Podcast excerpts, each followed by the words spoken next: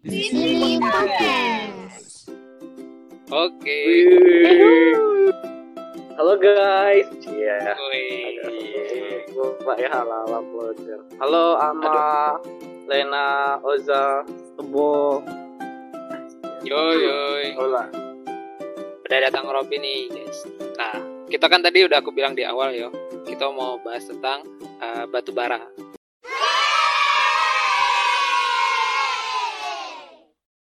Nah, Ya tadi balik aku nanya apa, woi? Mahal, Iya, iya, iya. murah. Aku tadi nanya murah Oh, ya. murah, murah, murah. Yang nanya Ah. dampak kan aku. Nanya dampak aku, Iyo. guys. kalau murah tadi itu tergantung ya udah aku bilang di kisaran untuk ke pasar Indonesia 70 dolar misalnya kalau balik ke dampak tadi balik ke yang aku ceritain tadi ada proses penambangannya kalau nambangnya di terbuka seluas itu lebih besar dampaknya Hmm. ketika di- dibandingkan di tambang dalam karena kalau tambang Hmm. dalam ya terpapar orang luarnya dikit karena dia dari dalam mainnya di bawah tanah gitu kan underground kan. Kalau Hmm. dari atas otomatis. Karena kita nambang tuh kita butuh alat berat. Kayak ekskavator ataupun kita butuh truk-truk segala macam itu kan pakai bahan bakarnya kayak minyak kan untuk bahan bakar mereka kan biasa kan kayak diesel fuel gitu kan. Itu nanti outputnya apa? Kayak asap-asap segala macam. Itu kan udah polusinya sangat luar biasa kan. Terus belum lagi lahan yang besar. Kalau lahan yang besar ditambang dibuka jadi kawah besar itu kan kalau kawah besar itu kan otomatis kayak eh tumbuhan hewan-hewan habitat yang ada di sana tuh udah ini udah hilang semua kan. Belum lagi nanti kalau hujan segala macam ekosistemnya akan terganggu. Ya bisa Hmm. banjir makanya kayak yang di kayak kayak entah itu kalau ada musim-musim banjir kayak gini kita kayak kayak daerah-daerah yang banyak potensi tambangnya akan besar pula potensi banjirnya misalnya gitu contoh dampaknya ya. Dampak secara tidak langsung kalau kayak dampak langsungnya itu tadi kayak untuk masyarakat yang di dekat-dekat lingkungan tambang ya aktivitas mereka akan tidak luput dari eh, dari dari proses tambang tadi. Entah itu mungkin dari proses eh, ba- debu-debu batu bara yang diambil tadi kan otomatis ada bak- pasti sedikit atau banyak akan ada terpapar oleh masyarakat yang dekat-dekat sanonya gitu. Loh dampak lingkungan ini lebih ke situ sih. Nah, Eh, itu dampak yang upaya dampak yang paling upaya- terlihat tuh itu gak sih? Yang lobang-lobang kayak yang cerita di Kalimantan tuh bukan sih? itu kan eh, bisa dibilang manifestasi dari kalau kita buka tambang terbuka kan jadi lobang gitu kan tapi ini balik lagi ke pemangku pemang peng- pemangku kepentingannya tadi si Oh, orang aku yang kira pemangku adat. Eh, kau.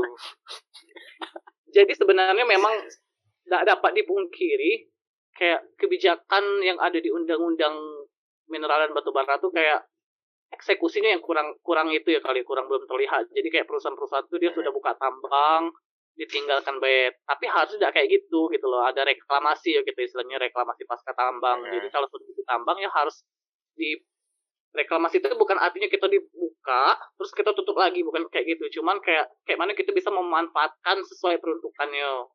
Jadi kalau sudah dibuka tambang nanti mau dijadikan apa entah dia, entah jadi kolam entah dia jadi apa gitu kalau kayak di perusahaan tempat aku kerja ini lagi aku kasih contoh ya kayak udah ditambang mereka kita bakal kayak ditanam-tanam lagi pohon jadi kayak jadi hutan alami lagi cuman memang di bawahnya udah kasih batu bara itu baik jadi wajar baik sih kayak dampak secara tidak langsungnya yang dibilang amat tadi ada perusahaan yang tidak bertanggung jawab mungkin jadi lubang-lubang biasa baik ditinggalkan dan itu kayaknya agak bahaya kan itu kemarin viral di Kalimantan.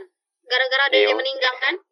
Eh, karena dia nyebur sana Iya. dibilangnya kolamnya rendah padahal itu dalam itu kan lubang tambang gitu loh lubang tambang Berarti itu Tahu udah, kan, aku ditimbun. kelihatan kan aku tuh sering baca berita-berita yang berbobot gitu kan. Keren ya.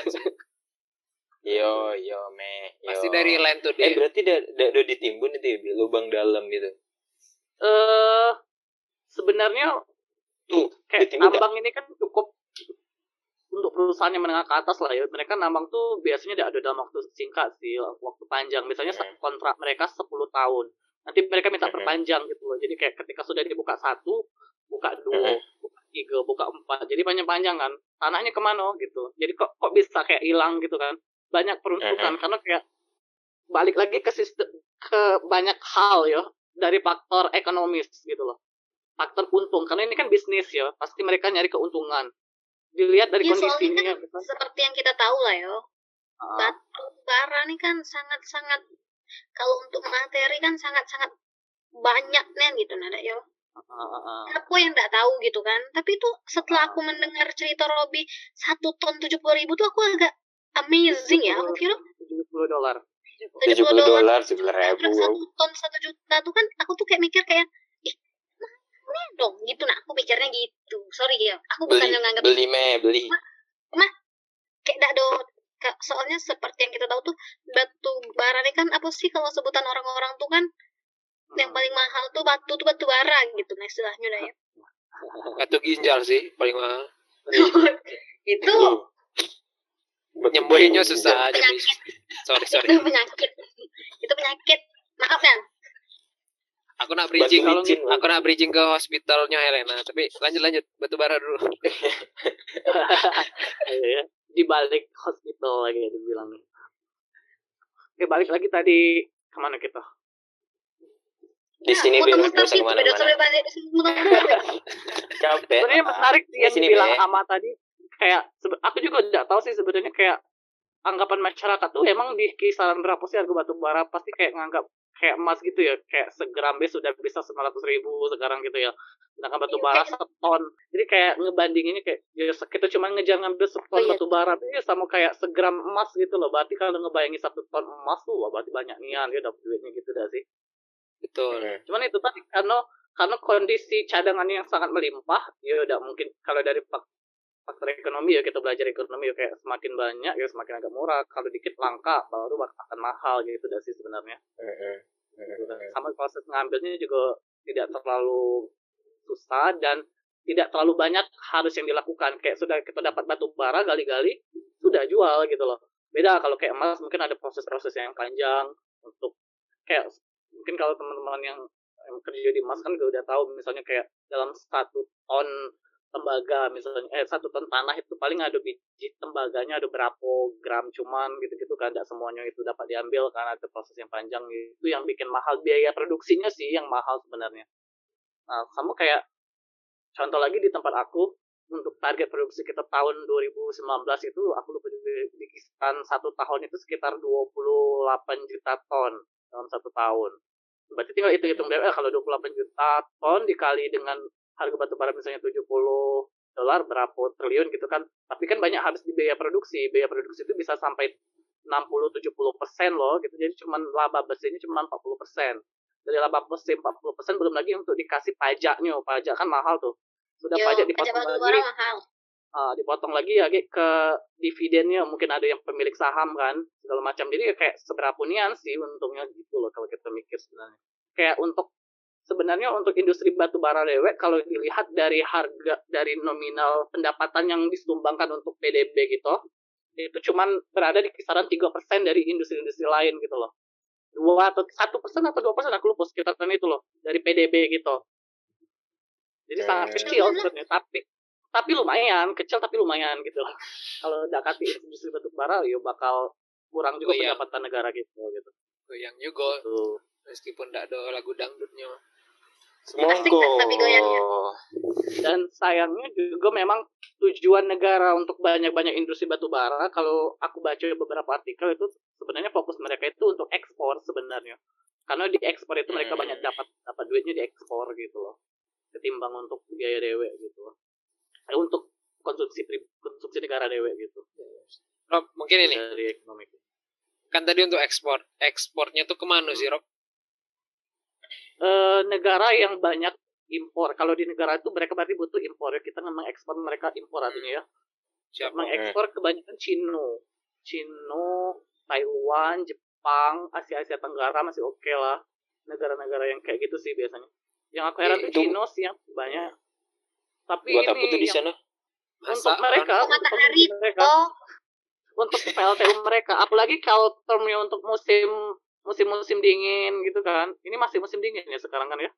Paling sampai summer nanti. Maret April ya karena itu kan mereka butuh untuk kayak penghangat penghangat gitu kan. Jadi konsumsi batu batu Oh. baranya cukup cukup dibutuhkan mereka. Saat sekarang ya karena kita kalau pikiran di bisnis di Indonesia ya kan kita butuh istilahnya duit lah ya. Ya kita jual Hmm. kepada yang banyak. Cuman sayang yang agak cukup menjadi tantangan karena kayak Cina misalnya itu berapa persen ya kayak mayoritasnya dia yang pemegang jadi dia yang kayak memonopoli gitu loh. Jadi kayak dia bisa Oh, bayar ibu kayak harga diturunin dengan dia mereka ah aku tahun ini kontraknya dikit bayar sih beli batu bara. Nah susah kalau kita lah produktif banyak dari beli Cina nak jual ke mana kan? Jadi itu yang kadang bikin eh, keuntungan bagi Cina itu juga jadinya gitu Cina Asia Asia sih. Karena melihat dari kondisi geografis juga kan karena kayak untuk negara-negara Asia cukup dekat pakai jalur Hong Kong segala macam kapal-kapal gitu kan dikirim batu baranya. Timbang kita nge-ekspor ke Amerika kan cukup agak susah juga itu kan. Tapi kayaknya ada sih kalau aku baca beberapa di Amerika mungkin. Cuma yang lebih banyak di Asia sih. Eh, cuan cuan cuan. Tuan. Cuan. Cuan, dicari cuan. Eh, Oh, briket cuan. itu dari batu bara juga deh sih. Kok aku lupa. kalau briket ya itu salah satu produk diversifikasi dari batu bara yang bisa dipakai langsung oleh masyarakat itu contohnya briket untuk bahan Hmm. bakar masak kan selain briket apalagi ya eh, kokas gitu loh kokas ini kokas Rame itu kokas. Rame itu kokas Rob. Ro, Robi tidak relate sih kokas apa tau dak Rob? Kokas apa Rob? Nggak tahu Nah, Lena Beng baru di Jakarta tidak relate. Oh kokas itu lokasi nama lokasi gitu ya?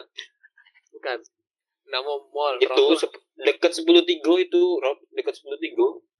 oh tahu itu tokas briket itu salah satu ini bahan yang dipakai juga kan untuk batu ba- untuk bahan bakar masak rumah tangga gitu briket. Oke next. X. Rob, Eh, tadi kau eh, aku, bilang aku, aku Cie. nanya dulu, aku nanya dulu. Cie. Ini tadi kan eh, untuk nambang sendiri ada tambang terbuka dengan tambang lorong-lorong itu. Ya dak. Tambang bawah tanah. Iya bawah tanah dalam itu. Nah, sekarang ini tuh yang lebih lebih banyak dipakai itu berarti yang lahan terbuka itu ya? Eh, Atau yang lorong-lorong tuh masih ada di masih ada yang pakai? kalau secara kondisi geografis di Indonesia itu rata-rata memang kondisi batu bara itu tidak terlalu jauh ke dalam gitu kan. Sebenarnya untuk Oh. kita milih metode nambang at, tambang terbuka atau tambang bawah tanah tergantung kondisi dan situasi sikon ya, situasi dan kondisi lah. Jadi kalau misalnya batu baranya agak di dekat atas, ini ada kajian juga sih. Kayak kajiannya kira-kira kita lebih untung nambang di bawah atau di atas itu ada kita dalam ilmu penambangannya kita belajar. Cuman secara sederhananya misalnya kalau mereka lebih menguntungkan di buka tambang atas ya mereka atas. Kalau tambang bawah tanah ya bawah tanah gitu. Balik-balik lagi ke tujuannya tadi bisnis kan nyari keuntungan tadi dan memang karena kondisi batu bara kita dilihat kan agak-agak di atas makanya ngambangnya di atas lah ya biar kayak banyak dapat cuannya gitu ketimbang di bawah cuman kalau dari segi Oh. safety dari segi bukan safety sih dari segi dampak yang dihasilkan memang sebenarnya lebih enak lebih enak lebih aman kita tambang bawah tanah sih karena kayak terpapar masyarakat luar luas itu sangat kecil kemungkinannya kalau Hmm. cuma di bawah baik resikonya tetap baik sih pasti ada gitu. Oh. Berarti biaya produksi dipengaruhi itu tadi ya, letak batu bara itu tadi ya. Di atas di bawah ya. Iya benar. Uh, Hmm. semakin dalam semakin banyak harus kita keluarkan duit gitu untuk ambil uang buka tanahnya tadi kan.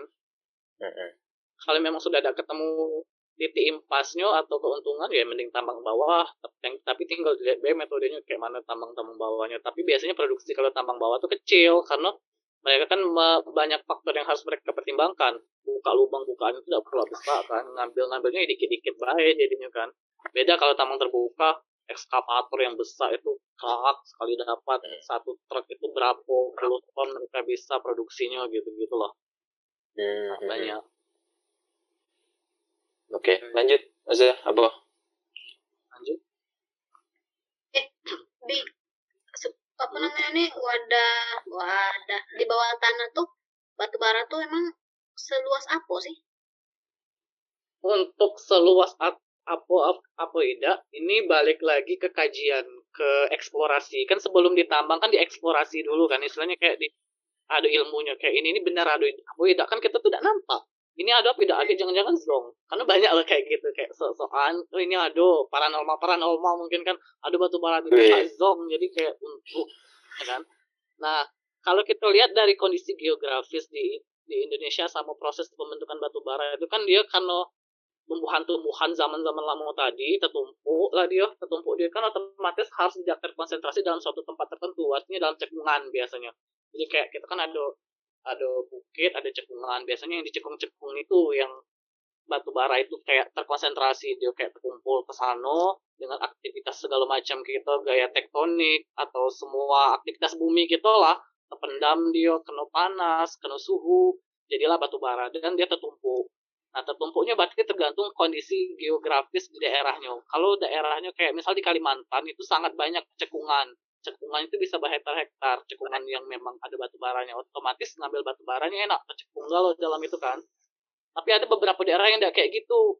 Karena proses pembentukan batu baranya beda. Misalnya selain dari aktivitas karena terpendam, ada tiba-tiba dia tuh misalnya di daerah pegunungan, gunung tuh meletus.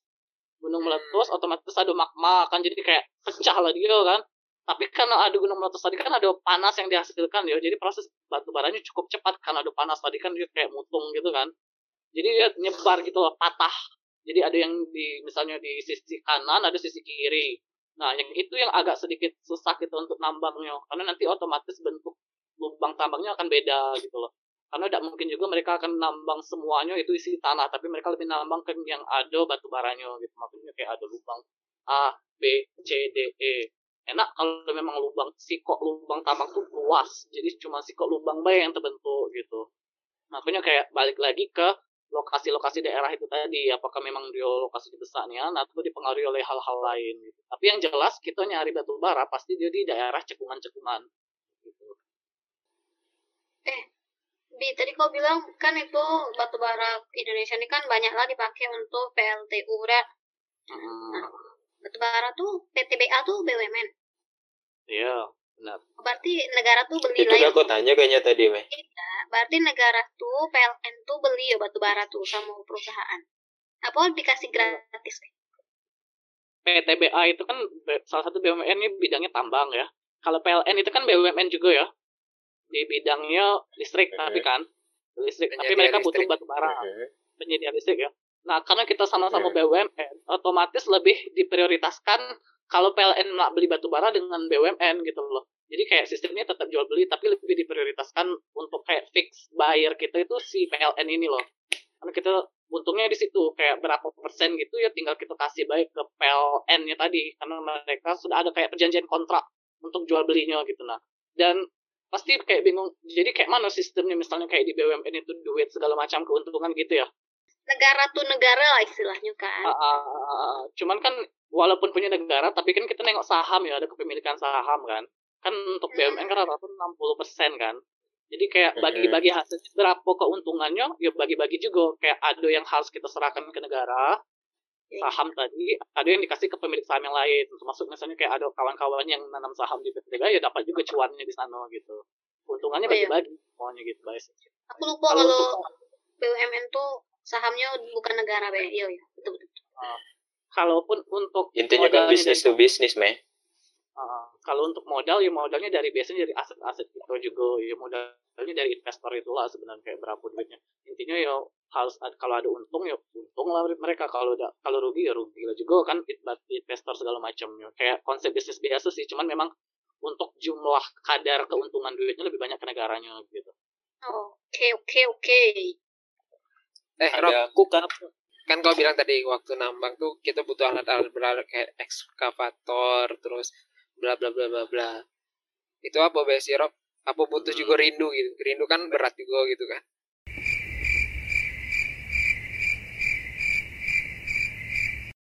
Hmm, rindu kayaknya tidak butuh lah yo. Kalau kangen. kangen ya kangen. Pakai benda pakai benda. Ngejawab. Misalnya mau ngalahin Dilan. Hiburan ya Ini ini namanya eh, apa namanya nih? Hiburan receh. Receh. kau belum jadi bapak-bapak kan? belum lah Mana Oh, ya ngerti udah. kalau kalau belum bapak-bapak. Nggak relate berarti belum, belum ngerti. Nggak bisa relate Hmm, kalau iya. Memel kemarin relate harus yo jadi bapak-bapak dulu, no? Iya. iya aku udah ngerti polos soalnya sorry ya Karena kau belum berkeluarga. soalnya lurus-lurus terus di hidup aku kan jadi kayak agak ketika ada agak receh bingung nanti untuk jawabnya Dan lurusnya nabrak ya.